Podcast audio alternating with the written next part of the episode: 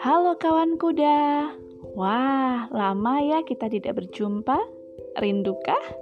Kalau kuda sih, rindu banget sama kawan kuda. Nah, kawan kuda, hari ini kuda ingin bercerita tentang seorang gadis bernama Marapi karya Irati. Kita dengarkan sama-sama ya. Namaku Marapi. Aku gadis muda berusia seribu tahun. Ibuku bernama Mameru dan ayahku bernama Rakata. Tubuhku tegap dan kuat, tapi tetap menyimpan keindahan warna biru dan hijau yang mengalir di nadiku. Sebulan belakangan ini tubuhku terasa tidak nyaman. Sendi-sendiku berkeretak, tenggorokanku seperti tersumbat, dadaku bergemuruh aku berusaha meliukkan tubuh untuk mengurangi rasa kebas, dan ototku terasa lebih nyaman. Aku juga berdaham-daham dan terbatuk.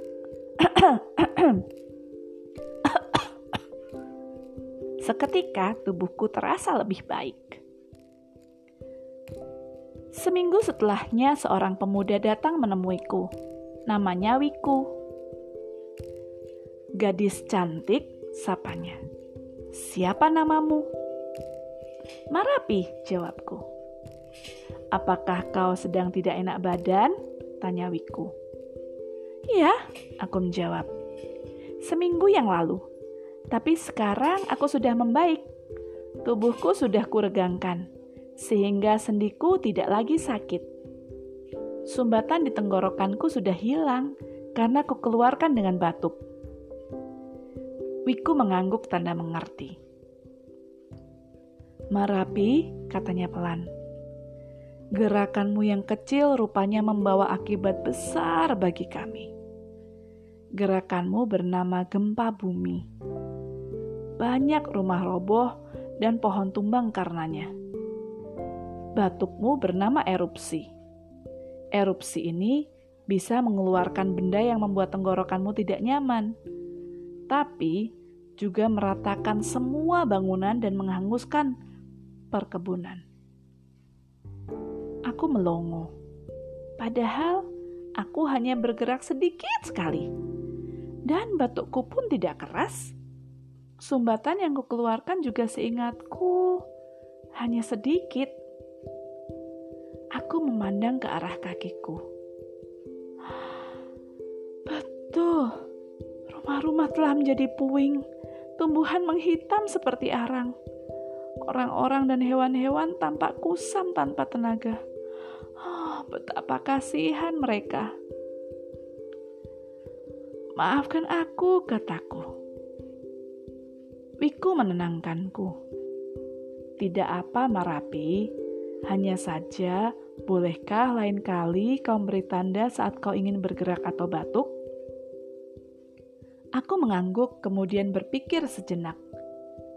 Semua makhluk yang berdiam di tempatku sudah menjagaku. Kini aku juga harus menjaga mereka. Sebuah ide melintas di benakku. Ah, lain kali jika aku akan bergerak atau batuk, aku akan memberitahukannya kepada para hewan biar para hewan turun ke lereng dan lembah memberitahukan pada manusia untuk bersiap. Uh, aku juga akan menjentik-jentikkan jariku dan berdeham-deham supaya semua merasakan getaran lembutku dan bersiap pergi ke tempat yang lebih aman. Oh, satu lagi, aku juga akan meniupkan udara panas supaya semua makhluk terjaga dan mengungsi, kataku. Wiku mengangguk. Dia berjanji akan menyampaikan pesanku kepada semua orang. Seratus tahun sejak pertemuanku sudah berlalu. Kali ini aku ingin batuk lagi. Seperti biasa, aku memberi tanda, berbisik agar para hewan pergi, menjentikan jariku agar tanah sedikit bergerak, berdeham sehingga semua makhluk mendengar suara deru lembut dan mengembuskan udara hangat yang bisa dirasakan semua makhluk.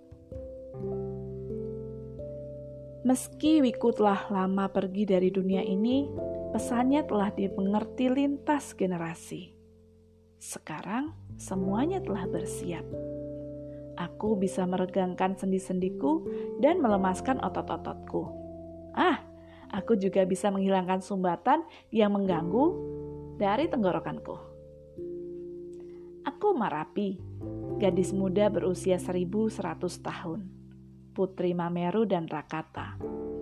Segala makhluk menjagaku, dan aku menjaga mereka.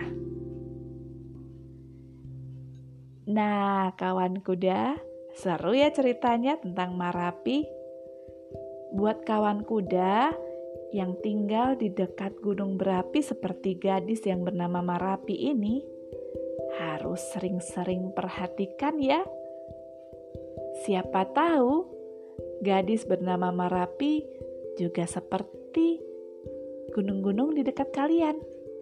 Saat akan terbatuk, mereka menjentik-jentikan jarinya, berdaham-daham, berbisik supaya para hewan turun ke lereng dan lembah, dan mengembuskan sedikit udara hangat. Semoga semua kawan kuda bisa aman dan bahagia selalu. Sampai jumpa lain waktu. Dah kawan kuda.